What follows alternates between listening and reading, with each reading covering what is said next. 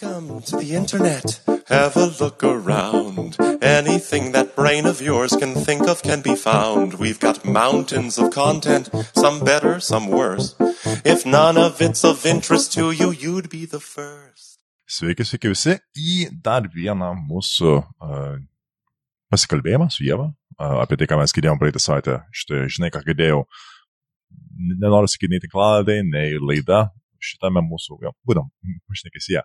Um, tai turėjom poros savaičių pertrauką dabar, bet man iš tikrai abu turime uh, apsčiai daug įspūdžių, minčių, kom pasidalinti, tai uh, manau šiandieną tikrai neprilgstat. Labas, Jėva. Labas Vytautai, malonu tave girdėti po pertraukos e, ir nekantrauju išgirsti, ką šiandien atsinešiai į šitą laidą. Tai, o, papa. Tai ir važiuojam tiesiai. jo, jo, aš žinai, tai pa, pa, pa, paklausiu ir galvoju, hmm, dabar galvoju, čia taip dar reiktų kažkokios gal įžangos, kažko čia gal pra, pra, pra, pra, bet galvoju, varom prie reikalo ir pasako, ką girdėjai šią savaitę. Super. Tai iš tikrųjų šią savaitę gal norėjau uh, pakalbėti apie keliones ir labiau iš tokios iš asmeninės pusės, uh, kuom keliavimas po pasaulį yra naudingas. Ir čia realiai yra tokia suma dviejų dalykų. Pirma, tai kad paskutinės 12 dienų praleido Amerikai. Tai žinoma yra įspūdžių išvalgų iš tos kelionės.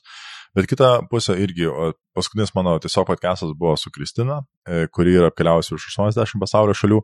Tai kažkaip vat, rezimuojant mintis uh, iš pokalbio su ją ir su savo patirtim galvojau tiesiog pasidalinsiu uh, būtent išvalgomis, pamastymais apie tą tarptautinę kelionę. Nes vienas, tašia, yra naudinga tikrai ir kaimynus pamatyti, ten Latvija, Lenkija, tarkim, Lietuvoje, Baltarusija, Rusija panašiai.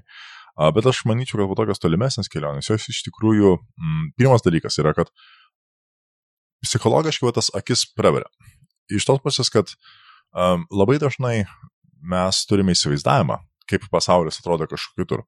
Ir tas įsivaizdavimas, man atrodo, dažnai yra toks kaip ir labai abstraktus modelis, kuris yra maždaug, tai viskas ten labai panašiai kaip čia, bet lygiai tuo pačiu metu toks oksimoroniškai, tai yra visiškai kitaip. Ir vadinasi, tai yra ir savo, ir svetima. Savo iš tos pusės, kad yra ir žmonės, ir pastatai, tarkim, ir infrastruktūra, ir valgys, ir panašiai, bet aišku, kaip ten tie žmonės gyvena, jų gyvenimas, jų kasdienybė, jų rutina, dažnai yra, e, tokia, nu, liktyčia psichologiškai labiau abstrakčiai palikta nežinomybė. Ir, ir man atrodo, vienas iš tokių mm,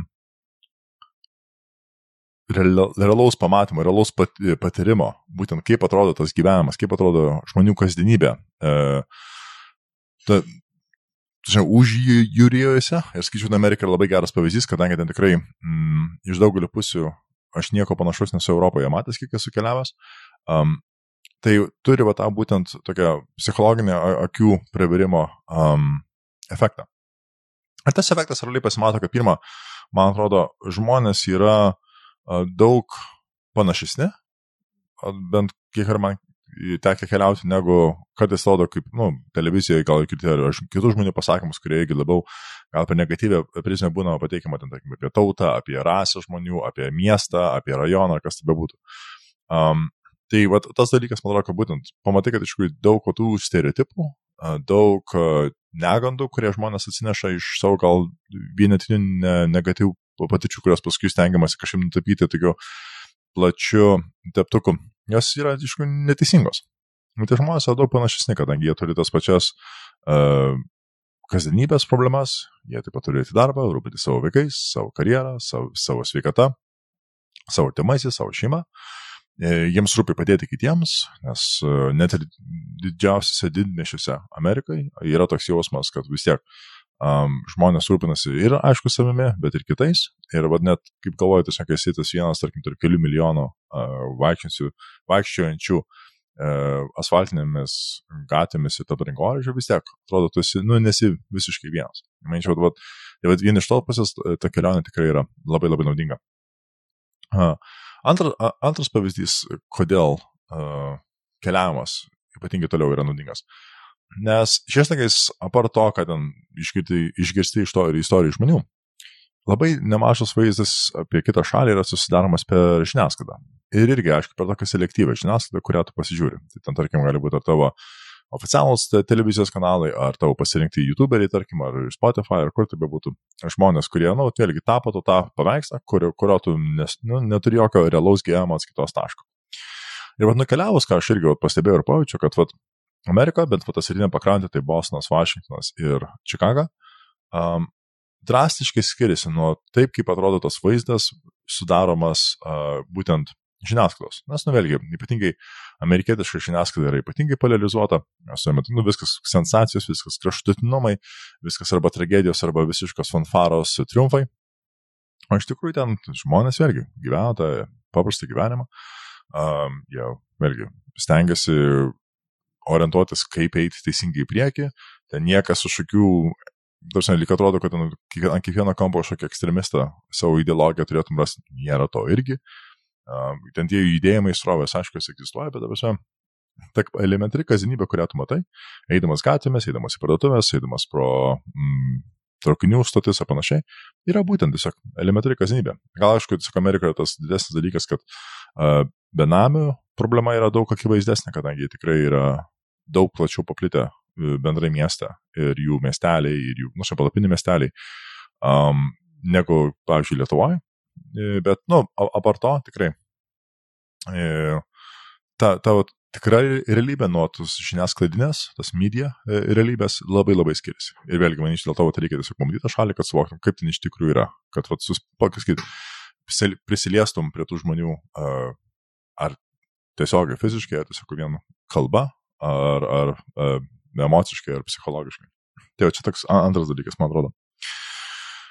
Um, trečias, man atrodo, dalykas, kad būtent aš ką pastebėjau kelionėse, kaip turistą, žmonės gal net, kaip skaitau, labiau, nu, bet man, man tokia prielaida, kadangi, nu, nesu, nu, aišku, Anglijoje esu gyvenęs, tai gal nelabai buvau tenais turistas, bet bendrai, jeigu esi turistas, žmonės dar yra tau pagalbesni, atviresni, nuoširdesni ir, ir pagarbesni. Tai pagalbesni ir pagarbesni. Um, Ta prasme, kad jeigu kažkas tu neaišku, atrodo biškai pasiklydęs, labai greitai atsiras vienas ar du žmonės, kurie nuoširdžiai tau bandys padėti. Ar tai ir nu, tarsi um, parodys tą kryptį, tarkim, ar paaiškins, kur tu esi ir kur pasimetęs, ar a, kažko nesupratai, ar ten kaip nemoki naudotis metro sistemą, ar kas tai bebūtų. Labai greitai tie žmonės atsiranda, jie labai greitai irgi aišku mato, kad tu esi nevietinis, a, bet ne iš to pasakyti, kad, uh, žinai, nevietinis, o kaip tik, kad, o geras, čia yra turistas. Ir man to toks vaizdas susidarė, kas gal yra klaidinga, bet iš mano patirties, kad e, kad maždaug, jeigu čia atvažiavo turistas, tai nepaisant to, kad aš to žmogaus nepažįstu, bet aš toje vietoje atstovauju savo šalį. Ir vadinasi, aš noriu tą pateikti kaip geriausią pavyzdį, kokį galiu. Kur, kokį galiu būtent pateikti. Ir šitas pastebėjęs aš keliausiu ir po Europą, ir Ameriką, ir Australiją, tikrai tas labai labai jautėsi, kad tie žmonės, ar, ar čia tiesiog bendrai tose kultūrose, nors abejočiau, bet bendrai atrodo, kad būtent jie duoda tą tokį dar papildomą um, uh, pastangą, būtent papildomą norą padėti, e, papildomą norą sukurti tą tokį vaizdą, kad šita šalis yra nuostabi ir jie džiaugiasi joje gyventi. Ir tad manyčiau tiesiog, vat, kai būna dažna baime, kad aš, nu, nuvažiuoju šalį ir bijau būti turistas, nes nesuprasi, ne, nežinosi, jausi, jaus- jausiesi vienišas, tai atrodo tikrai taip ne. Ir va čia su Kristina būtent pokalbės jau tas labai irgi pasijutė, kad ir jos daug platesnėje patirtyje, kadangi irgi ten į nukeliavusi į daug valstybių, kur nei kalbos moka, nei ko, bet irgi labai laisvai žmonės ir padėjo, ir apsaugojo ten, tarkim, kai važiuoju, kai mane važiuoju dažnai prastesnius rajonus, ir, ar, ar ten kažkas lygtis bandė nužiūrėti, kad jie užpulti panašiai, irgi atsiranda greitai vietinių, kurie tiesiog apgina, apžiūri, ap- nu, apsaugo. Ir, ir būtent, tai manyčiau, kaip sakyt, dažniau negu ne turbūt, nu čia tokia prielaida, bet atrodo dažniau negu ne, būtent turistai yra dar labiau prižiūrimi, saugomi negu šiaip tos šalies gyventojai. Tai manyčiau, čia tokia kaip ir paskata, kad tikrai padrasinti keliauti. Ir paskutinis dalykas, sakyčiau, tokių ilgesnių, didesnių kelionių, toliau nuo savo krašto yra, kad um, tai duoda galimybę iš tikrųjų vėl peržiūrėti, persvarstyti, kaip tu matai pasaulį, naują perspektyvą. Nes kaip, sakyt, kaip čia sakyt, kad už savo gyvenim, tau, už savo paveikslo rėmų tapyti negali. Tarsi, O tas, tarkim, tavo paveikslo rėmai tai yra būtent tavo žinoma patirtis. Ir dėl užtyrimo vienintelis būdas yra tiesiog reikia išeiti ir žiūrėti, kas vyksta. Ir tą turiu minį, kad jeigu tu gyveni Lietuvoje, būtent tu nieko nesi už Lietuvos išvažiavęs, tai tu gali bandyti, sakyčiau, geriausiu atveju įsivaizduoti, kaip, kaip iš tikrųjų pasaulis rodo kitur, bet nemanau, kad yra bent vienas žmogus, kuris gebėtų tiksliai uh, įsivaizduoti ir pajausti, ką tai reiškia iš tikrųjų gyventi toje šalyje. Ta, tos niuansus, tos kalbinis niuansus, kultūrinis niuansus, uh, tarkim, miesto infrastruktūra, ten, tarkim, um, Tačiau visos tos detalės, kurios yra būtent to gyvenimo dalis, kai tu nuvažiuoji bet kurį miestą ar ypatingai kitą šalį, jas, manyčiau, būtent reikia patirti, kad va, tą bendrą vaizdą susidarytum. Ir, ir nei knygos, nei, manau, nei, nei televizija, nei kitų žmonių perpaskimi tikrai to negali padaryti. Nes galų galiai vėlgi tu tą, tą visą pasaulį, tą naują pasaulį, realiai, iš dalies tu matai per savo prizmę, per savo išgyvenimus, per savo perspektyvą. Ir manyčiau, va, tas palyginimas, nes kai kurie dalykai tau atrodys visiškai pažįstami, kai kurie keisti, kai kurie svetimi, kai kurie intriguojantis. Ir tada vadinasi, va būtent, man atrodo, kaip pasimė, jau grįžus po kelionės, uh, pavirškinus visus tos įspūdžius, o to tai rėmai, kuriuose savo gyvenimą tu jie truputėlį prasiplėtė. Nes staiga sužinojo, kad gali būti kitaip, gali būti kitaip ir veikia. Gal net iš tikrųjų to, tavo gyvenime kai kurie dalykai nėra tokie logiški ir iš tikrųjų galima geriau. Bet va, kai kol nepamatai to, tai yra sunku labai sugalvoti pačiam. Tai, um, tai čia gal paskutinis dalykas, kad būtent uh, iš tiesiog psichologinės pusės, atrodo, vat tą pas savo pasaulį, savo praplės, čia banalibiški frazė, bet man labai tiksli yra tai, kad e, būtent pamatyti, pajausti, suprasti dalykus, kurių negalėtum pajausti, suprasti gyvenant savo šaly, um, tą gali laisvai tiesiog gauti būtent keliaudamas, e, keliaudamas į užsienį, skaičiu vėlgi, kuo toliau nuo savo gimtosios žemės, tuo, tuo geriau, nes vėlgi, net, net jeigu, tarkim, į kaiminę šalį nuvažiuoju, vis tiek yra daug panašumų. Um, tad, uh, jo, jo, o ten jeigu dar finansinį dalyką, tai žinoma, vis tiek yra dabar yra mm, tas e, couchsurfinimas, yra daug įvairiausių programų, kur tiesiog laisvai gali ar ten work and travel ir pasaulį pamatyti be problemų. Ir vėlgi, ten čia biškai keistai skamba kaip blogas, bet tiesiog vat, tame podcast'e su Kristina, kadangi mes antris valandas šnekėjom būtent apie keliavimą po pasaulį, um, tai tiesiog vat, jos patirtis yra labai gera, kaip tas modelis veikia, kaip jį padirba realiai 4-5 mėnesius, paskui likusius, likusią metų dalį keliauti tiesiog po pasaulį su kuprinė. Um, tai vat, jeigu kažką tas domina, tai tikrai rekomenduoju ir pasiklausyti, ir pamastyti, ir jeigu nesate dar keliavę, tai tikrai nepabijoti ne, ne ir tiesiog pasiryšti, pajausti tai ar pamatyti tai, ko tikrai dar nesat matę. Ir manau, ir iš gerosios, ir iš blogosios pusės, bet be kokio atveju tai atneš naudą jūsų gyvenime. Mhm, aš dažnai poliau truputį ieškoti vieno e, filmo, kurį neseniai žiūrėjom. Man atrodo, jo, jisai taip ir vadinasi A Map for Saturday, e, žemėlapį šeštadienį, e, kur yra dokumentika, kaip vyrukas kuris pats e, nusprendė metams išvažiuoti keliauti po pasaulį ir jis ten aplankė Aziją, e, Amerikoje, jis pats amerikietis, tai Ameri per Ameriką pravažiavo, Pietų Ameriką aplankė ir e, Europą, pietinę Europos dalį. Ir jis ėmė interviu iš kitų backpackerių, keliautojų tokių um, apie jų patirtis, kas vyksta to backpackinimo metu. Tai e, kažkaip vat, e, prisiminiau e, tą, tą dokumentiką, nes nu, tikrai tokių įdomių patyrimų papasakoja ir labai rezonuoja, jeigu pats esi bent jau porai savaičių kur nors keliavęs, ne tiesiog paplūdimį gulėt ar tik tai vaikščiot po kokį um, nežinau, muziejuose, bet e, tiesiog va taip va laisvai keliauti be kažkokio iš ankstinio plano, kur nusipirki suplanuotą kelionę iš agentūros ir, e, taip sakant, už tai jau viskas padaryta. O va tas keliavimas, tos, kai turiu su savim tik tai kuprinę e, ir gyveni galbūt hosteliuose, kur matai kitus keliautojus e, ir tavo tas žmonių, kurie tave suparatas, e, susiaurėja va būtent į kitų keliautojų esu, ir tas na, visai kitoks kontekstas, negu, pavyzdžiui, kai tu dirbi darbą, e, esi kažkokią gyvenamąją vietą turi ir ten na, visai kitokie žmonės tave supa. Ir paskui vienas iš tų epizodų, kuris ten pasakojamas, to, tos patirties dalis, kai grįžti, po metų ar ten pusmečio kelionių ir tavęs vienas klausimas, kuris glumina, kai klausia, nu, tai kaip tau ten buvo ir sako, aš metus ten keliavau ir dabar kaip man dabar atsakyti tą klausimą, kaip man buvo. O kitas dalykas, kad atrodo, nu, visų gyvenimas tarsi per visą tą laiką judėjo į priekį, o tu grįžti iš tų kelionių ir tu tarsi esi, nu, vat, kažkur grįžti nebe toks, koks išvažiavai. Ir ta integracija, mm, jie tą vietą, laikmetį, kuriame, vat, nuo kurio tu vėl toliau gyvensi kažkokį va, tokį uh, stabilų rutininį gyvenimą, nu, jinai yra pakankamai sudėtinga ir komplikuota. Ir Aš pati, kai iš Erasmus studijų Švedijoje grįžau, atsimenu irgi, nu tai nebuvo vat, kažkoks keliavimas, bet tai buvo buvimas svetimoje šalyje. Ir grįžu, kur aš buvau su visai kitais žmonėmis ir tie žmonės, na, jie dingo, tam tikrą prasme fiziškai dingo, kai aš grįžau į Lietuvą. Tai buvo tokia po, po, po erasmusinė depresija, kaip čia dabar adaptuotis ir vėl grįžti prie visai kitokio bendravimo būdymo būdo. Tai nežinau, aš truputuką išsiplėčiau, bet kažkaip labai prisiminiau tą dokumentiką, kuri kažkaip man irgi yra apie keliones, apie tai, ką jos duoda.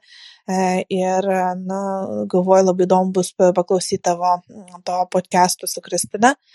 E, apie tai, kaip jai buvo tos kelionės. Jo, jo, pilnai sutinku. Aš žinau, net kai mes išvažiuojam Kilkim Šibų e, festivalio organizavimai ir pasirašymai, ten yra lygiai 10 gal 11 dienų mes būnam. Bet kadangi tai yra visiškai atskiras pasaulis nuo, net čia viskas, aišku, irgi vyksta Lietuvoje, bet čia ten atskiras pasaulis, atskira, atrodo, tokia gentis, į kurią eini būtent tą savaitę, su kuria būni ir, ir tie žmonės, ir ta perspektyva, ir tas projektas, kurį turi paruošti, visiškai atriboja tave būtent nuo tos kasdienybės, nuo rutinos, nuo, nuo negandų, apie kurias reikia galvoti. Ir net tada būna, kaip grįžti į tą realybę ir tai pavelnė, čia kažkaip keista, net atrodo viskas taip lieta, nuobodu, banalu, palyginus su to tokiu mm, didelė atsakomybės jausmų ir didelė pažinimo ir, ir um, naujų emocijų ir minčių, kurios net, net per tas 10 minučių kilo. Tai tikrai tas yra. Ir net ir dabar, va, po, po Amerikos 12 dienų keliaus, kus irgi ten dalis struktūruota, dalis nebuvo, bet tikrai daug, aš skaičiu, labai daug tokių mažų išvalgų apie Amerikos gyvenimą gausi būtent tiesiog bendraujant su žmonėmis, bendraujant su pardavėjais, su baristomis, su kebabų pardavėjais, gamintojais. Aš manau, per, per tokius labai tokių daug mažų detalių galvų, kuris tiesiog, aba, geras property. Man vienas labiausiai patiko, kur buvo e, viešbutyje. Įlipo į e, liftą. Na ir ten paspaudžius tą mygtuką, ten pasirodo šalia manęs stovėjo vienas iš viešbučio darbuotojų. Na, iš kas sako, o, aš atsiprašau. Aš sakau, tai už ką atsiprašot? Nu, kad nepaspaudžiu jums mygtuko. Nu, tai sakau, taip, tai kiek čia mūsų tos hospitality jau gali būti. Nu, jeigu net atsiprašyti už tai reikia, tai už tokį banalų dalyką. E, nes kaip la hospitalas svetingumas, man atrodo, jo. Tai maždaug, nu, tai aš sakau, tai kur, kur tos svetingumo jau ribos, ta prasme, jeigu taip, uh, maždaug net, net už tai atsiprašyti reikia. Jis sako, tai kad va būtent tai būtų negali būti, nes tada, du, nes jeigu užtiesi ribas, tai vienam tas gali tikti ne. Tai maždaug jų perspektyva yra, kad būtent svetingumui ribų nėra, ir vadinasi, tu turi va, viską, viską, kiek įmanoma daryti, nes taip ir sukursi va, tą geriausią customer service, kokį gali tikėtis. Ir va tas mane nuoširdžiai nustebino, nes aš galvoju, dažnai tikrai Amerikoje tas customer service yra mm, kitokio lygmens negu kur esu matęs, bet aš labiau maniau, kad ten būtent, nes jų uh, tipsai dažnai priklauso, jų alga realiai tiesiog priklauso nuo to, kaip jų būtent elgesi. Bet ne, o tarkim viešbutį, kur tarkim tas darbuotojas vis tiek, aš jam ten žinau, kad aš nei, jokio tipsų neduosiu, nei ką. Tas tai tokia interakcija. Bet net tada būtent perspektyva jo asmeninė buvo, kad ne, va, būtent svetingumai ribų nėra. Ir va, tas iš dalies labai daug ką paaiškina, bet tuo pačiu buvo visiškai toks, ha, absoliučiai nesitikėjau to. O nebuvo va to tokio, nu, aišku, aš kadangi Amerikoje nebuvus, tai aš turbūt labai daug esu prisirinkusi tų mitų apie Ameriką, um, apie tas dirbtinas šypsenas ir kad tas svetingumas toks labai, nu, nu, dirbtinas, uh, ką man teko visai pastebėti UK, kai buvau Didžiojo Britanijoje, bet gal irgi aš ten pakankamai trumpai savaitę tik tai buvau, tai gal irgi tiesiog taip susidūrė. Tai koks tavo įspūdis apie tą svetingumą ir jo nuoširdumą? va būtent sakyčiau, Amerikai jis yra daug, daug, daug nuoširdesnis. Ar ten visiškai tikras, tai galima dvėjoti, aš turbūt, turbūt labiau nuo žmogaus priklauso nuo tos dienos ir aplinkybėse, kuriuose esi. Bet Anglija, taip, aš Anglija daug labiau tokio feikinio, tokio tiesiog paviršutiniško, tokio labo dieną, tas aš šypsosi, elementarus, bet aš niekas substance nėra. O būtent Amerika, kad būtent jie tą dedų tą ekstra mailą visą laiką. Ir sakyčiau, tas, kadangi tas žmogus stengiasi, atrodo, nuoširdžiai tau padėti visapusiškai, kiek tik išeina. Ar ten visi irgi ne? Tas tikrai buvo žmonių, kurie tą daug labiau darė, kiti mažiau, bet bendrai standartas yra toks nuoširdžiai aukštas ir, sakyčiau, kiek man kelia, teko keliauti, nu, keliauti ir bendrauti, vėlgi per ar tas pačias kavinės, ar restoranas, ar bet kur, nu, visur tas buvo. Aš absoliučiai visur jautėsi, kad su manimi bendrauja nuoširdžiai. Ta minutė tas žmogus iš tikrųjų bendrauja su manimi, nepaisant to, kad neturi dar šimtų darbų, kurie galvoja sukasi. Tai jo, ir paskui dabar galvoju, bandau prisiminti prie tą savo kelionės į Ameriką, nes čia buvo man gal penkta ar šešta jau. Uh, tai aš sakyčiau, kad jo, bendrai, grubiai išnekant visur, va tas um, rūpestis, tas vadingumas buvo daugiau nuoširdus negu net. Anglijai tikrai daug mažiau. Tikrai. Nors Anglijai gyvenau 11 metų kažkaip turiu pakankamai, ką galiu palyginti. Ok, tai galiu tada pasitikėti tavo nuomonę. Nu gerai, žiūrėk, aš tada turiu tau dar vieną klausimą iš tų mm, tokių įspūdžių e, serijos. Žiūrint filmus e, apie Ameriką, e, kur yra e, amerikiečių pasaulis rodomas, susidaro tos įspūdis, kad mm, amerikiečiams Euro, Europa yra kažkur labai labai tolima ir kažkas tokio, nu, labai ne jų gyvenimo dalis. Kai tuo tarpu, kai galvoju mums, europiečiams, tai Amerika, Junktinės Amerikos valstijos, jos yra tokios, nu, kiekvieną beveik dieną kažką girdė apie jas ir atrodo, kad, nu, tai, jau trumpai tariant, ar jiems iš tikrųjų ta Europa yra tokia tolima ir gerokai tolimesnė negu mums Amerika, um, jo, kaip tau, ar nežinau, ar, ar, ar supranti, ką turiu minti. Ja, gerai, gerai suprantu, ką turiu minti. Tiesiog galvoju. Um, iš mano patirties atrodo, kad labiau arba tai yra neutralus požiūris į Europą, tiesiog, nu, vėlgi, tai yra jiems kasdienybė ir išgyvenimas yra daug svarbesni toje vietoje, negu rūpinamasi, kas vyksta Europai. Arba kaip tik, ta prasme, žmonės domasi, kas vyksta už Atlanto, pasakyčiau, ne ką mažiau, kiek mes čia. Aišku, gal ten labiau veiksmų vykstančių didžiosiose valstybėse, ten Prancūzija, Vokietija, turbūt Rusija, kur skaitytų prie to, apie Didžiojo Britaniją, šitą ratą. Um, Tai sakyčiau, tenais atrodo domėjimasis yra, nes tiesiog, irgi, jeigu ten sėdi traukinį ir tiesiog, nu, nuogirdomis klausaisi pokalbį, tikrai e, temos, kurios vyksta Europoje, jos tikrai irgi atsiranda dažniau negu rečiau. Tai, bet čia vėlgi, gal labiau didmešiuose šitą gali girdėti, gal, um, gal tiesiog aplinkose, kurias aš buvau, bet bendrai skaičiu kažkokio tokio, kad, oi, ten kažkur tolim kažkas tokio, tai mm, Gal nors kartą tą tokį požiūrį girdėjau ir jaučiau, kad, kad lyg ne. Nes netarkim, kai aš pasakau, kad aš iš Europos, iš Lietuvos, o, toks fainai maždaug, kad lygis, nu, į, į svečius atvažiavai, žinai, va, lyg irgi kaimynas, ką, nu, taip toks atrodo, tik požiūris dažniau. O ne, o, ten jie to vietų, žinai, kažkokio iš Marso atskridęs. Nu jo, bet Europa, jinai tokia pakankamai jiems atrodo egzotiška, ne? Kad kažkas tokio, nu turbūt gal bendrai kaip ir mum Amerika. Vėlgi, egzotika tas labai toks subjektivus dalykas, čia turbūt nuo individuo priklauso, bet uh, manyčiau vėlgi, turbūt jeigu mes šnekame apie tą vadinamą vidurinę klasę ir aukščiau Amerikoje, uh, tie žmonės, kurie bent biškai keliauja, tai ten egzotikos jokios nėra, tas įdomu, ten jie aiškiai mėgsta, vėlgi, ta Italija, tarkim, labiau, ir Prancūzija, tai tokiau um, populiaresni turistams miestai, bet um, vėlgi, nežinau, pirmą, gal mano požiūriu, kažkaip Amerika nėra nei egzotika, yra tiesiog smalsu pamatyti, kaip tas kitoks gyvenimas, kitokia kultūra, um, kitoks uh, visuomenės režimas, kaip jis veikia ir kiekvienoje valstijoje, kaip jis skiriasi. Uh, kaip tarkim, vat, viena rasizmo uh, elementas, kurio, tarkim, mes realiai Lietuvoje tiek neturim ar beveik neturim, kaip tas sąveikoja į toje visuomenėje. Šiandien daug yra tokių unikalių, mm, vėlgi, skaičiu, įžvalgų, potyrių ir, ir pastebėjimų galiu padaryti būtent matydamas tą tokią kitokią visiškai visuomenę sandarą ir jos istoriją. Ir žinant ypatingai tą istoriją ir matant, kaip rutuliojasi iki dabar. Tai nežinau, ar egzotika tas tikslus žodis. Uh, nu, bet čia gal turbūt subjektyviai kiekvienam individui labiau. Nu jo, jo, aišku. Ir gyvai ten pabuvęs turbūt irgi tos egzotikos sumažėja ir, nu, kaip ir pats sakėjai, iš tikrųjų, ką keliavimas duoda, tai atrodo, nu, nors iš vienos pusės e, e, pamatai, kad gali būti ir kitaip, kad žmonės gali kitaip mąstyti, bet e, iš kitos pusės tai duoda ir tą tokį suvokimą, kad, nu, kitur, kitoj pusėje Atlanto irgi žmonės gyvena ir tokie patys kaip ir tu ir kad tu ten su savo visais ten gyvenimo problemom ir kažkokiais, kažkokiam baimėm, pavyzdžiui, ir klausimais egzistenciniais nelabai kuo skiri nuo, skiriesi nuo to kito žmogaus e, už jūrų mario. Jo, jo, visiškai sutinku. Čia gal dar pabaigiant tiesiog tokias mano dvi asmeninės rekomendacijos, kad jeigu turi galimybę nuskristi į Ameriką uh, keliom dienom, bet nori tiesiog tokio, uf, žinai, efektų turėti, tai tiesiog rekomenduoju į Manhattaną, į New Yorką, nes tiesiog tas visas, um, būtent Manhattano dangoraižių, Amerikos suspaustas, tas tempas, viską, tas va gyvenimas, tai yra tikrai kažkas, kur lyginant su bet kur Europai, nėra stogo. Nieko, nieko panašaus nėra. Absoliučiai, kiek esu aš bent keliavęs. Um, jeigu ilgesniam truputėlį laikui, skaičiu bent savaitę, tai labai rekomenduoju tada Vašingtoną. Daug labiau negu New Yorką, nes Vašingtonai patyrsi ir tą visą, vat, tą mm, kvadratinį tą grid, visą sistemą, kaip jie atrodo, kaip miestas atrodo, tie ir dangoraižiai turėsi, bet taip pat būtent turi tą visą istorinę dalį.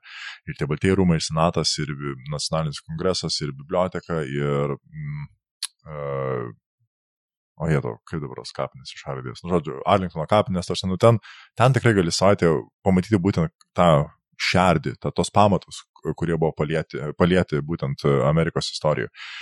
Ir tenais tikrai yra ką pamatyti ir skaičiau, tą tokį pilnesnį, jeigu irgi tik vieną miestą galima užžiūrėti, tai skaičiau tada Washingtoną, atrodo. Bet jeigu tokį greitą, tiesiog nori, kad nurautų stogą visiškai iš patirčių, tiesiog gali nuskristi į New Yorką, tarkim, tą penktadienį, sekmadienį, pirmadienį grįžti, tiesiog jau atrodo, kad tu nu, kitam pasauliu pavojai, tikrai. Nu, ačiū už rekomendacijas. Žiūrėk, aš dar turiu vieną tokį hmm, klausimą. Um, nu, tarkim, lietuvis ir italas. Lietuvis italui, italas lietuviui yra užsieniečiai. O kaip, pavyzdžiui, kokiam teksasiečiui iš Vašingtono žmogus, nes jos tarsi vienyje kalba, E, jie yra kaip ir tokia, na, nu, viena tauta, bet tuo pačiu tai yra atstumo ir turbūt, e, nu, ir, nežinau, aplinka, gamta e, ir, ir visom kom labai skirtingos valstijos. Tai ar jie taip pat vat, žiūri tą tokį, nu, kaip, kaip vat, tas skiriasi e, santykis tarp valstybių nuo santykio Europoje, tarkim, tarp šalių? Ar, nu, nežinau, ar, ar, ar turėjai galimybę pajusti? Čia turbūt amerikiečio reikėtų klausti, kad tiksliai atsakytų, bet mano patirtis byloja, kad ne, tai yra tos pačios šalies e, gyventojas, tai yra mano brolis, sesė. Um, Gal ten labiau panašus būtent lyg būtų, žinai, kaip Vilnius su Kauno kapojasi pastovi, ar ten, žinai, ar kažkas ten saiposi iš, nežinau, šiaulių, akmenės, ar kas tai bebūtų Lietuvoje. Tai, žinai, tik mūsų mastelis labai labai mažas, tai tiesiog milžiniškas, realiai. Taip atrodo, bet, bet man atrodo būtent, nes pirmą tai, žinai, tą valstybę, pirmą tai sieja, žinoma, ta pati kalba, ta pati e, valdžios forma. Tai vadinasi, skaičiau, kaip pasiekmė, turbūt apie nežinau, grubiai taip, 70-80 procentų tų pačių problemų gyvenimiškai yra tos pačios visur, kur tu gyveni. Ir jie vadinasi, tai žmonės vienyje, absoliučiai. Plus bendrai, Amerika yra ganėtinai, skaičiu tai, kol atvirai nacionalistinė valstybė iš tos pusės, ta kad, nu, tarkim, tas Amerikos vėliava, nu, visur matai. Um, ten, kai man irgi pasakė kolega, su kuriuo buvau, kad pradinėse mokyklose kai tarkim, nu, ten, nežinau, 5-6 metai, kai tave, tarkim, moko kaip, nu, vardą pasakyti, kaip parašyti, tai pradžiai išmoko tavo vardą, pirmą vardą, tada tave išmoko priesaiką Amerikai pasakyti ir tada tik tais pavardę. Ir jis taip irgi, nes jo dabar dukra eina, kai tai būtent tam amžiui, ir jis taip galvo, hm, biški įdomiai, edukacinė sistema suvarpyta, tarsi, kad būtent turi vardą, tada jau turi būtent išmoksi, kaip va, tą priesaiką savo valstybei pasakyti, žinai, iškalius ir tik tais tą, žinai, tavo giminės ryšį. Nu, lyg atrodo, net tokie maži, mažas detalės, bet Putin irgi sako apie tą tokią e, stiprų, skaičiuojant, nacionalistinį e, požiūrį to, tos valstybės, tas America the Great ir visa kita. Ir tas maga visai, aišku, judėjimas, minčių irgi tą labai tiesiog atspindi. Tai, tai mano prielaida būtų, kad žmogus, žmogus iš Teksaso, žmogus iš Vašingtono ar Kalifornijos yra tiesiog irgi amerikietis ir tiek, tiesiog, aišku, kaip ir sakau, šaipytųsi gal, nes truputėlį kaip ir visur savo niuansas, savo dialektas ir um, panašiai, bet, bet ne, nėra, kad mes kaip būtent vadiname, žinai, užsienietis. Nemanau. Nu, ačiū tau labai už pasidalinimą. Um, man Amerika yra iš tų šalių, kur šalių žemynų, Junktinės Amerikos valstijos, kur norisi, pala, ne, ne taip, palauk, žemynas yra Šiaurės Amerika. Taip, o dieve, kaip gėda, gal bus galima iškirpti šitą dalį, nes Nope. mano. Ah. Patikslink mane tada, Vytautai. Ką, ką tiksliai? Mano geografijos žinias, o dieve, kaip gėda. Nu, va, matai, mm, pala, žemynai. Tai dabar. Junktinės Amerikos valstijos randasi Šiaurės Amerikos žemynė. Taip, ar ne? Teisingai. Nu, va, nu gerai. Tai pasitaisiau. jo, tai e, gerai. Tai turbūt, manau, galim tada judėti prie antrosios dalies.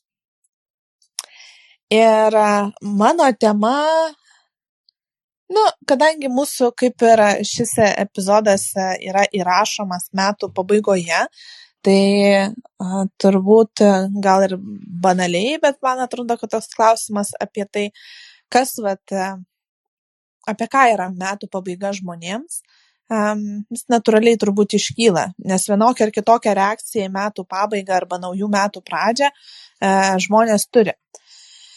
Ir uh, aš bandžiau šiek tiek tiek e, pe, galvoje permestama, ką aplinkoje girdžiu, kaip žmonės e, reaguoja į tą metų pabaigą ir naujų metų pradžią.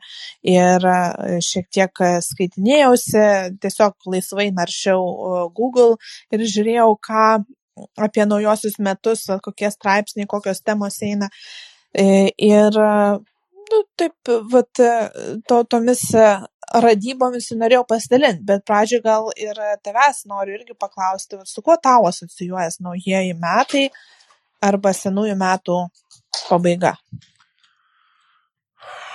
Um, apie šitą kažkada esu mąstęs, ta prasme, o kodėl va, būtent tie nauji metai turi tą tokią lik ale naujo šviežaus lapo puslapio, uh, tokią psichologinį efektą. Um, ir man, man tada kažkaip atrodė, kad būtent kai planuoji gyvenimą, dažniausiai planuoji per tą dieną, tą savaitę, tą mėnesį arba tos metus. Va tokie yra segmentai. Tai vadinasi, va, tos yra labai irgi psichologiškai apibrieštas laikas ir to segmento galas. Ir tada kažkaip naujas atrodo, kad vėl viską gali pradėti iš naujo, nes tų negandų, kurios susidėjo per tos metus jau kaip ir alė nėra. Nors jos ir yra, bet tai nėra. Man tai, žinai, šitą kažkaip atmetus, man tai tada nauji metai asocijuojasi būtent su šeima, su pavimu šeima, nes tai bus kalėdos, tai bus nauji metai, vadinasi, uh, ypatingai, kai aš gyvenau užsienyje 11 metų, tai tas laikotarpis bus, kad aš grįšiu į Lietuvą, pamatysiu savo tėvus, pamatysiu savo brolius, e, pusbrolius, draugus, atimus ir tai man būtent su to labiausiai asocijuojasi.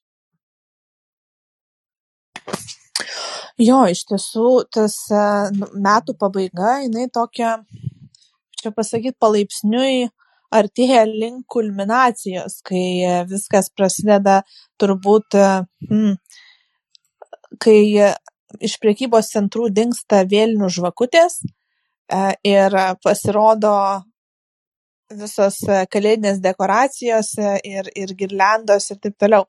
Ir tas toks, nežinau, man asmeniškai visą laiką susierzinimas sukelia, nes kažkaip atrodo, nu, dar truputuką leiskit tokio palaukti, kad jau ta tokia būtų kulminacija tų švenčių ir kad nespėtų jos nusibosti. Mm, Ir šiemet ma- man tai toks įspūdis susidarė, kad kalėdos dar anksčiau prekybos centruose prasidėjo. E, Jau dar vėlinės nebuvo praėjusios, bet jau buvo galima lentynose, gal ne pagrindinėse lentynose, ne pagrindinėje ekspozicijoje, bet rasti e, tų dekoracijų. Nu ir tada jau artėjant jau, kai tik tai gruodis kalendoriaus kalendoriuje pasirodo, tai tada prasideda visi nerimai dėl dovanų, kur čia ką kam dovanot, tada tie nerimai paskui perauga ir į veiksmus, kuomet reikia e, bėgti kažkur ten pirkti tų dovanų, ieškoti, dabar labai gerai, kad internetas yra ir e, galima bent dalį tų dovanų tenai susirinkti nesistumdant alkūnėmis. Paskui, aišku, tada ruošimas į šventėmis e, ir tos e, man asmeniškai tos labai dviejopas būna jausmas. Iš vienos pusės faina pamatyti gimnaičius, va, kaip ir sakai, laikas su šeima. Iš kitos pusės tas visas toks, e, na, nežinau, ruošimasis, nu, atrodo, kad visus namus generalinį tvarkymą sugalvoji daryti va tą vieną dieną metuose, nu antrą būna per Velykas ir kažkaip vis galvoju ir ten tų patiekalų prigamint nu tie dvylika patiekalų kas per nu aš atsiprašau tada tikinčiųjų bet e, man apskritai gal čia labiau nu ne apie religiją bet nu žiauriai daug yra ką reik pasidaryt jeigu nusprendi visą tai darytis. Ir e, tas ruošimasis toks e, uždeda papildomą tokį emocinį krūvį ir tada jau kai praeina tos šventės toks atsiranda atoslūgis ir nu man asmeniškai antra kalėdų diena yra pati gražiausia diena metuose nes nuo pat vaikystės tai būdavo diena, kuomet e, tėvai pagaliau mama labiausiai nurimsta, atsipalaiduoja ir tikrai leidžia savo išsitiesti ant sofos ir ramiai pasižiūrėti filmą, kad ir visą dieną žiūrėti filmus. E, ir tada atrodo, kad ir mes vaikai galėdavom legaliai irgi ilsėtis ir nes nejau sąžinės graužimo, kad kažko nedarom, nedirbam ir panašiai. Ir kiek vat yra tekę girdėti, tai kalbėti su kitais, tai nu, ne man vienai tas toks jausmas yra.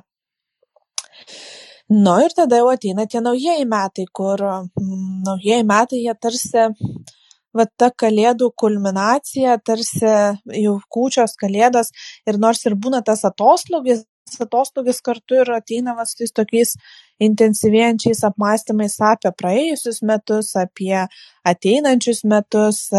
Ir va tai, ką tu sakai apie tas pradžias, nu, tai naujieji metai nėra vienintelė pradžia, kurią žmonės turi. Um, kiekvienas pirmadienis yra nauja pradžia, mok, kitiems mokslo metai rugsėjo pirma yra pradžia, tretiems gimtadienis gali būti pradžia, naujas mėno yra pradžia. Ir čia tiesiog yra tas pradžios efektas, kai yra kažkoks atskaitos taškas, nuo kurio žmogus gali pradėti. Tai yra labai turi tokį simbolinę reikšmę, kurią žmogus suteikia tom pirmosioms e, dienoms. Ir e, tas e, žmogus tuo momentu turi didesnę motivaciją.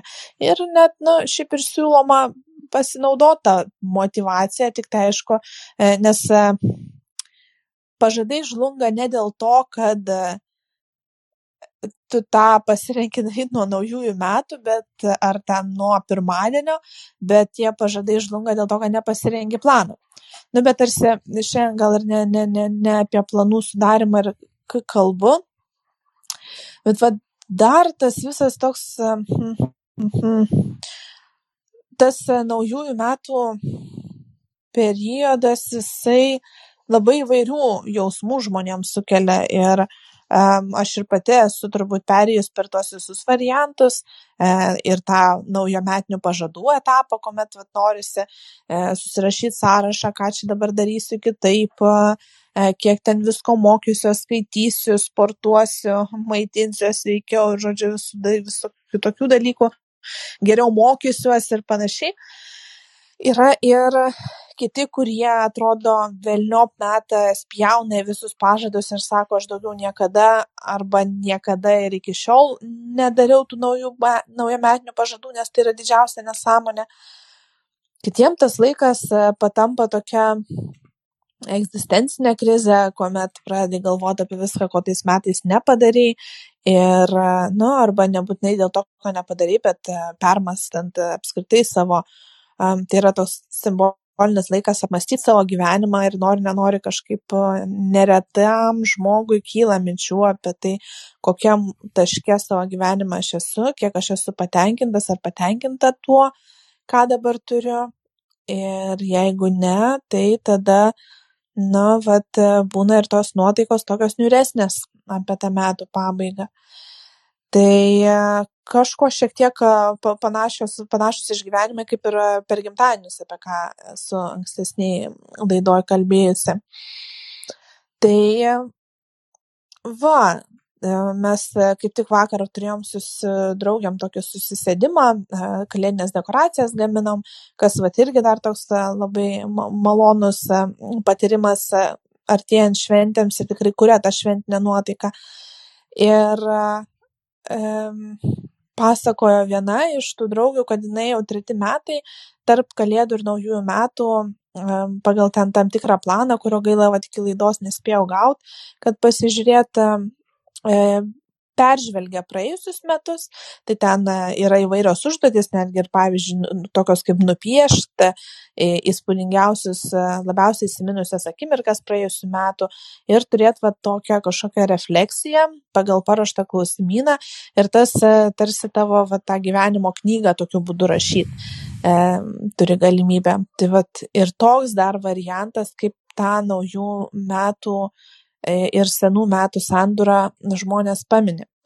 Nu ir tada, kai lindau į internetą, tai e, aišku, iš pradžių praskrolinau pro visus e, naujametinių pažadų, kaip čia, kokius ten dietos geriausios, kokius sportinius pasiekimus, kiek ten knygų perskaityti ir visus šitos, kas pakankamai jau, nu, kaip ir žinoma ir nuobodu ir e, pastoviai ant akių maišosi šiuo laikotarpiu. Ir e, gal trys tokie įdomesni, kuriuos radau e, straipsniai. Tai vienas iš jų buvo dešimt naujametinių pažadų, kuriuos gali pasivokti iš filosofų. Ir čia buvo tokie, kaip pavyzdžiui, Kirkegardas, jo naujametinis pažadas buvo kiekvieną dieną išeiti pasivaikščioti. Ir arba pavyzdžiui, kas čia e, Spinoza,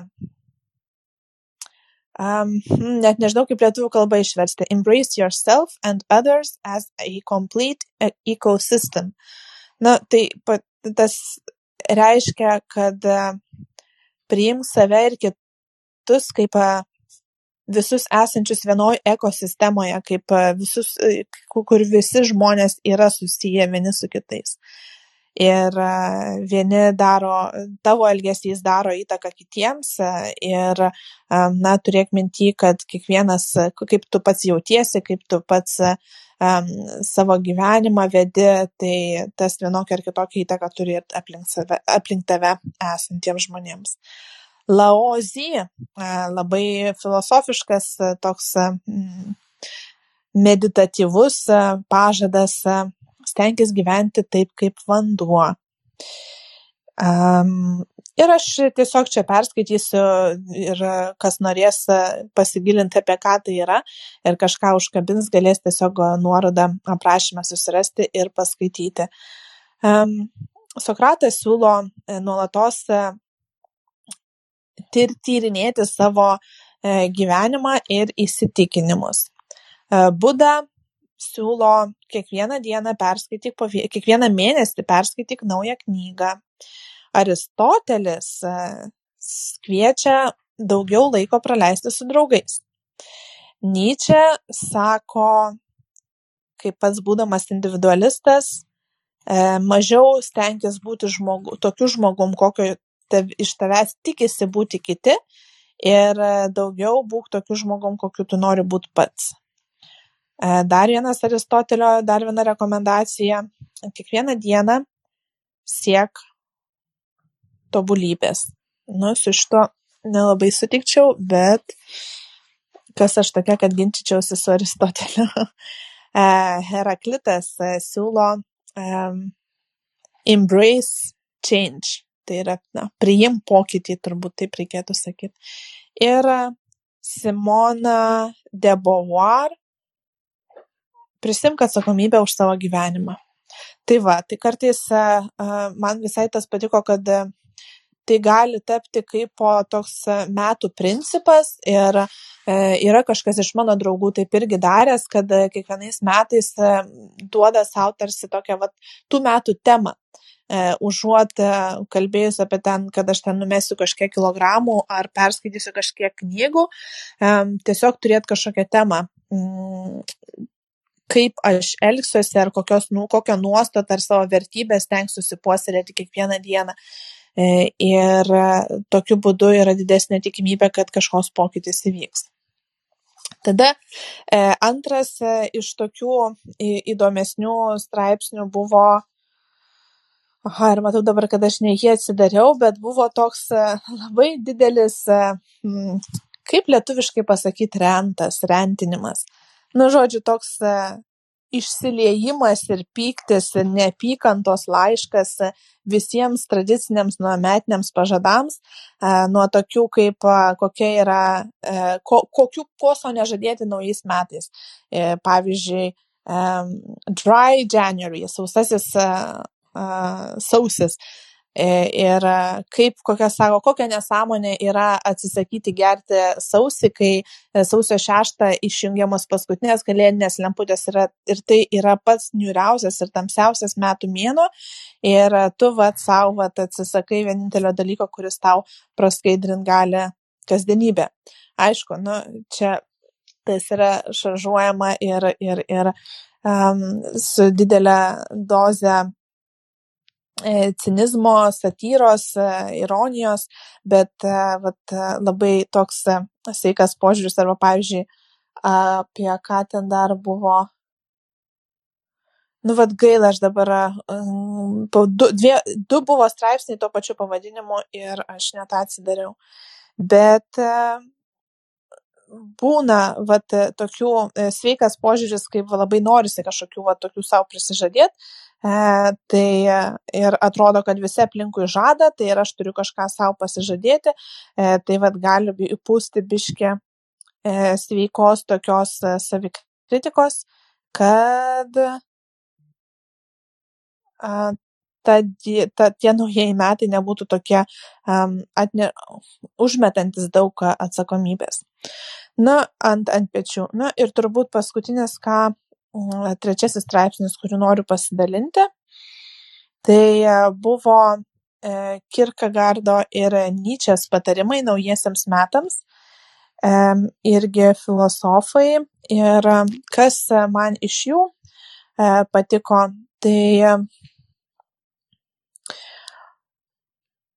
um, ai vienas iš tokių faktų kuris tame straipsny buvo parašytas kad e, tradicija daryt naujametinius pažadus yra maždaug keturių tūkstančių metų senumo. Ir jinai e, manoma atsirado Babilono laikais.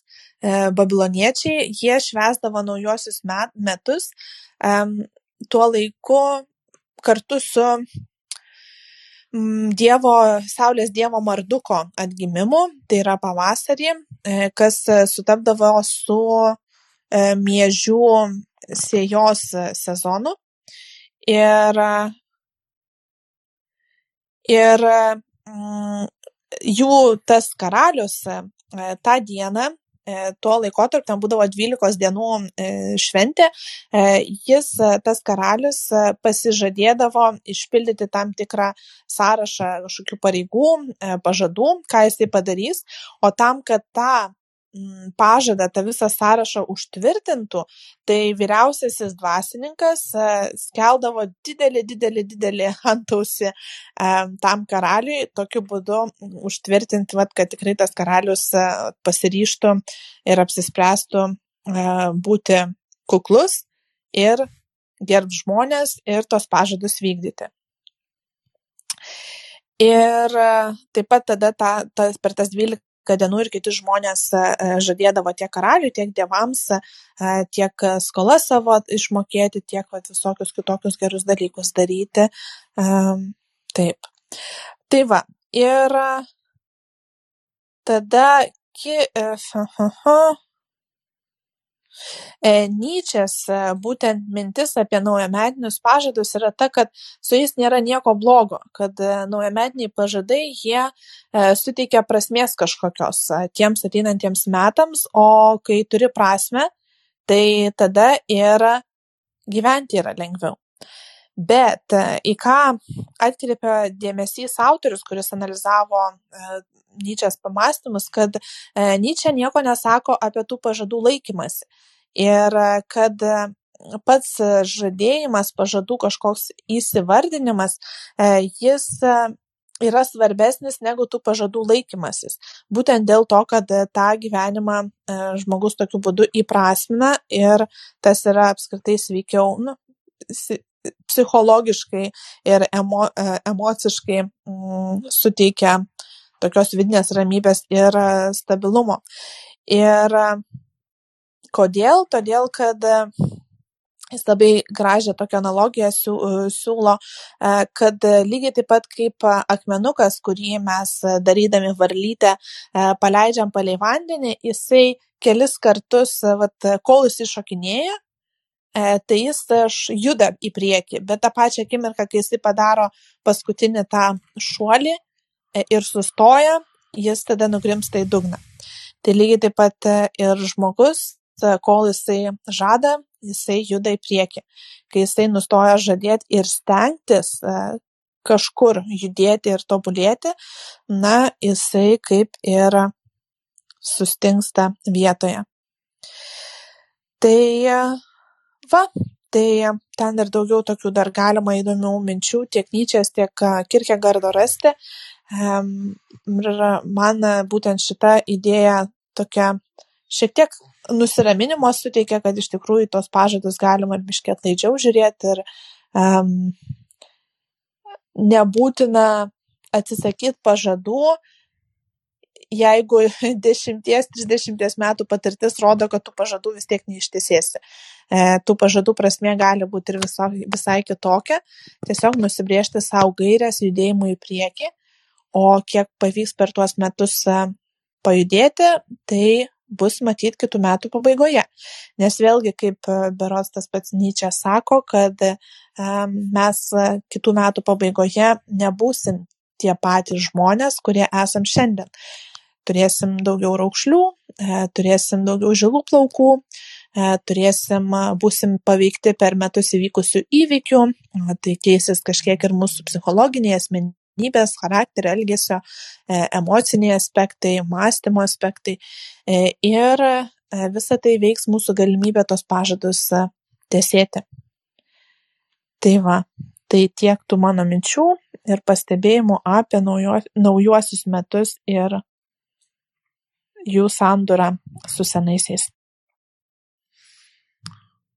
Nu, kaip ir kas kartą jaučiu, parinktos labai aktualios temos e, tam laikotarpiu, kuriame esame. Tai jo, sutinku. Čia tas pamastymas e, būtent kam, e, kokią naudą gali nuį metai, vat, tas e, kalendoriaus pakeitimas atnešti gyvenimą iš tikrųjų yra naudingas. Ir aš tada galvoju, ten kaip e, Kirkikardo ir Nyčius tam diską maždaug vieną e, apsiveržimas už svajonių, tų tikslų norų yra irgi naudingas, o nebūtinai išpildymas. Aš galvoju, aš iš dalies sutinku, turbūt, nes iš, iš, kaip aš mastau, bet čia turbūt sekant galimai dalinai jų filosofiją šitą vietą, kad realiai vien kažkoks apsibrėžimas uh, tikslų, tarsi norų, svajonių, tai būtent yra kažkokios krypties pasirinkimas, orientacijos pasirinkimas. Ir tas krypties pasirinkimas ir yra naudingas dalykas ir duoda to kažkokios prasmės. Nes be jokios prasmės, be jokios fakirties kūrinį, tai būtent tiesiog stovi kažkokia sakryžoje ar kaip uh, lapas plaudiruoji uh, vandenį tiesiog, nu ir kur tave neša, ten neša visiškai jokios kontrolės neturi. Tai, tai iš to pusės jos sutinku, iš to pusės aš, man atrodo, yra tas bišiai kavietas pavojus, kad um, jeigu vis savo prisižadai, prisižadai, kad kažką reikia, kad kažką nori padaryti, kažką sieks padaryti ir uh, vis nedarai to, tai tu, man atrodo, realiai tada psichologiškai save treniruoji, kad tavo žodis tau nėra svarbus, vien iš tokios pusės, iš, iš ilgalaikių planų, nebūtinai iš, iš trumpalaikių. Um, ir tada nežinau, kokią didelę, didelę naudą tas gali atnešti, galimai pavojų. Nes tada, vadinasi, tu jeigu apsibėžki ar įsipareigosi kažkam ilgesniam laikotarpiu, tai tiesiog kaip į save treniruoji, kad tau nereikia būti atsakingum savo už tą įsipareigojimą. Na, nu, čia toks gal mažas niuansas, bet man atrodo, jis galimai yra. Ir antras mažas komentaras, kai ten buvo viena iš filosofų, tipo metinių dalykų, kai ten Buda sakė, skaityk knygą apie dieną, labai netikiu, kad čia būtų pasakę tą, nes būtų gyveno šeštas amžius prieš Kristų, kai buvo pasigūglinau, tai knygų ten tikrai nebuvo tiek, kad ten galėtum nei kas mėnesį skaityti, nei prieigą turėti, nebent ten tur karalių karalius turi būti, kad aš ne biblioteką galėtum vartoti po 12 knygų į metus. Tai toje vietoje labai abejoju, kad ten būtų tą pasakę. Jo, jo, jo, aš e, buvau, kai peržvelginėjau prieš mūsų susitikimą tą straipsnį, e, ant būdos neužkliuvau ir e, dabar, kai skaičiau, tai tokia irgi panaši mintis kilo, kad hmm, ar tikrai būda apskritai dar galvoja apie kažkokius naujametinius pažadus ir tikrai kažkur čia buvo labai, labai, labai kažkas pritemta. Tai jo, su to tikrai sutinku. E, o dėl to įsipareigojimo, e, na, gali būti, kad irgi gal nebuvo straipsnį, gal iki galo išvystyta ta mintis ir e, turbūt svarbu ne tik kažką pasirašyti, bet dar ir dėti pastangas tą vykdyti. Net jeigu tau ir nepavyks įgyvendinti visų tų pažadų, vis tiek tas kažkoks judesys į priekį e, bus padarytas. Tai jo ne tik tai kažką užsirašyti, bet ir e, dėti pastangas tą daryti. Ir e, čia su tavim labai sutiktų e, Viktoras Franklis, irgi čia dabar vat, jo citatą, ne citatą, bet nu, kaip ir mintį persituotą skaičiau, kad jo siūlymas buvo Amerikoje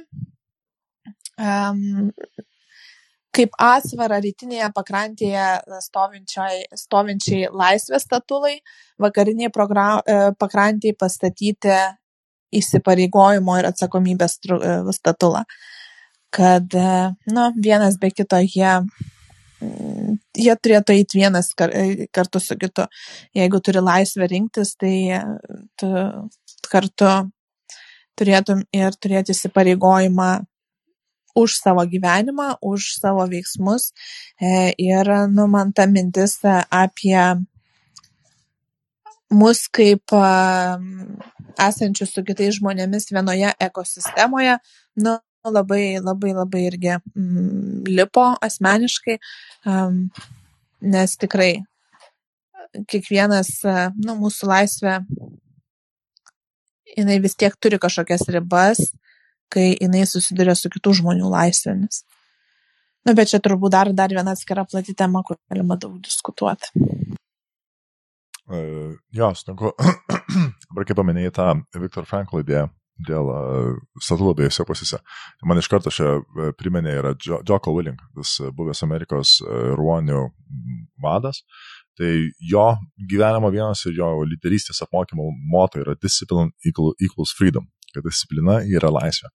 Ir realiai būtent ten yra, kad jeigu nori iš tikrųjų būti visiškai laisvas, tai turi turėti discipliną, atsakomybę už tą jo ir juodą darbą, kurį darysi, ir už tas atsakomybės, kurias prisimsi ir kurias reikės išpildyti, už tą judėjimą į priekį, už nepasitašant būti, nu, būtent būti disciplinuotam savo gyvenimą ir tai būtent jo uh, idėja, kad būtent per discipliną tu pasieks laisvę, o ne, o ne kaip tik tai idėja, kad maždaug aš nieko nedarysiu, dėl to esu laisvas. Um, tai čia panašiai kaip ir su kūrybiniu mąstymu, kad kai nėra rėmų, kūryba neegzistuoja. Rėmai privalo egzistuoti. Čia šioje vietoje ta idėja yra lygtais, kad būtent disciplina yra va tie rėmai, kuriuose, kuriuose tu savo gyvenimą laikai, ir vadinasi, kas viduje yra, o ten jau tu turi visišką laisvę kurti ir siekti tai, ko tu nori. Hmm, nu dabar galvoju, kiek ar aš pati sutikčiau su to, kad disciplina suteikia laisvės. Na, tur, nežinau, nežinau, čia reiktų atsisėsti ir pagalvoti ir visai padiskutuoti kartu būtų įdomu šitą temą, nes turbūt yra ir vietų, kur taip, yra vietų, kur ne. Nu, nes kažkaip taip iš pirmo to įspūdžio tai labai, labai, labai E, disciplina ir laisvė atrodo e, dviejose skirtingose poliuose mm, esančios e, savokos, bet gal ir ne. Disciplina, kai tu turi tam tikrus rėmus, tai, mm, nu, nežinau, nežinau, dabar jau čia visiškai vapalioju vietoje. Gal būtų įdomu skirti gal kitą kartą ar kada apie tai daugiau padiskutuoti. E, laisvai, laisvai. Aš tikrai labai rekomenduoju jo ir YouTube kanalą, Džoko podcast ir knygas. Solidrysė yra trys. Uh, pirma yra Extreme Ownership, antra Field Manual to Leadership, ar, ar Extreme Ownership. Ir trečia pamiršta. Na, žodžiu, apie lyderystę labai labai stiprius, bet jinai, nu, šiandien iš jo yra ta idėja extreme ownership, tarsi, kad jeigu esi vadovas, tai būtent tu prisėmi visišką atsakomybę už visiškai viską, kas vyksta. Ir tai yra tik tas būdas būtent efektyvių lyderių, bet realiai kita jo aksioma būtent yra, kad discipline equals freedom. Ir ten, truputėlį informacija, kad realiai būtent, žinai, jeigu tu, nu, gyvenimiškas pavyzdys bus toks, kad tu kiekvieną dieną turi kažkokių darbų sąrašiuką, kurį privalai padaryti. Kas tai bebūtų. Ir paprastas pavyzdys būtų, jeigu tu tą padarai iš ryto, viską, tarkim, pirmas 2-3 valandas, ir pasportuoji ir ten įsiutė mailus, kas tai žodžiu, to bereikia, pirmas 4 valandas, kaip tai būtų. Ta padarai, tai vadinasi, likusią dieną tu tikrai esi laisvas daryti tai, ką nori. Jeigu to neturi disciplinos, tą visą tą, ką reikia padaryti iš anksto, tai vadinasi, tau reikės padaryti vėliai, žinai, kažkada pasivyti tą daryti, ar dienos gale, um, ar tu pastovi savo grauši, kad vis nedarai, tai toks, nu, tampimasis ir būtent realiai, kad uh, turėdamas stiprią discipliną, tai tu būtent, ką man tai net sakyti, kad labai tikslingai išsikovoji kabutėse arba išsiskaptuoji laisvę savo gyvenime daryti tai, ką iš tikrųjų nori, kadangi tai viskas, ką reikia, jau yra būtent padaryta ir um, disciplina už tai yra atsakinga. Kind of. Na, nu, čia tokia grubiai idėja, bet aš manau, tikrai rekomenduoju jo daugiau pasiklausyti. Nu, čia gal visai įdomi ta mintis iš tikrųjų, kad jeigu tu turi, kad disciplina, jinai tau gali suteikti, mhm, įgalinti padaryti dalykus, kuriuos tu gyvenime nori gyventi. Ir kad be disciplinos tas yra pakankamai sunku. Aišku, čia e, kalbant apie realybę, tai labai praktiškai tą įgyvendinti ne, nemažai dalį žmonių yra pakankamai sunku nes e, net ir sąmoningai suvokiant, kad ta disciplina būtų naudinga, vis tiek veikia labai daug visokių e, vidinių ir išorinių barjerų, kurie sukelia kliūtis tą discipliną turėti ir susikurti. Jo, sutinku, bet čia kaip, man atrodo, kaip ir bet kuris įgūdis, tu jį labinėsi ir jeigu iš tikrųjų, vėlgi, tarkim, grįžtam prie tos naujo metinės temos, kad tai yra tau, tarkim, tų metų tema, būtent, man, man, aišku, labai patiko ta idėja temą turėti tiems metams, nes yra, o ir irgi labai aiškus orientyras, ką tu nori daryti, apie ką mąstyti tais metais. Tai jeigu tų metų tavo orientyras yra būtent disciplina, ir kaip, kokiais metodais būtent šitą įgūdį, gal tu kuriesi ilgalaikį gyvenimą ar savo gyvenimo patogumais apleidęs, kaip jį galima susigražinti, kaip jį sustiprinti ir kaip įsivažiuoti tą. Yra, yra tikrai daug įvairių programų, yra challenge gali ten daryti, tas 75 hard yra, sakyčiau, toks brute forcinis vienas labai geras, kur ten 75 dienas tu privalai sportuoti du kartus per dieną, išgerti po 2 ar 3 litrus vandens, paskaityti bent po 10 puslapį berots ir dar, dar kažką padaryti, nusifotkinti tą kažką vieną. Na, žodžiu, esmė, galbūt nesudėmingas dienas išėlės, tu ne, negali turėti jokios pertraukos nuo šito, šitų užduočių, kurias turi turėti. Um, ir uh, dar, viena iš tų treniruočių privalo būti laukia. Dar irgi tas yra ten reikalavimas. Dar lik kažkoks, bet dabar neatsimenu. Anyways. E, tai, tarsi tikrai tokių dalykų yra būtent, jeigu siekiama discipliną sustiprinti, įvairiausio. Bet aš dabar nesnėjau, nu, su sunomi žiūrėjom filmukas ir tai yra istorija, nu, apie vėžį ir zuikį, ne, to, kur lenktynės, kur maždaug, kad, nu, kad uh, zuikis ten greitas, vėžlys lėtas, bet vėžlys vis tiek laimė. Ir aš paskui dabar sėdėjau galvoju, iš, iš tikrųjų realiai ta um, viena potekstė, būtent šitos ar moralas, šitos istorijos ir yra disciplina, kadangi tas užlysti savo ramiai, po truputį žingsnis po žingsnio tą kelių jis nepleidžia. Jis tiesiog turi tą discipliną, kad kiekvieną žingsnį dėti per tą visą lenktynės ir jis nueina savo iki finišo tiesiosios. O vat uh, Zuikis, nepaisant to, kad jis turi visus įgūdžius, galės uh, aplenkti, užsimerkęs, žodžiu, tą vėžlį, jis būtent neturi disciplinos iš pabaigti tą, tas rinktinės, pabaigti tą projektą, pabaigti tą ilgalaikį dalyką, kurį jis apsėmė daryti. Ir dėl to jis ten galėjo nutarė pamiegoti ir paėsti, žodžiu, ir visą kitą. Ir va apleidžia.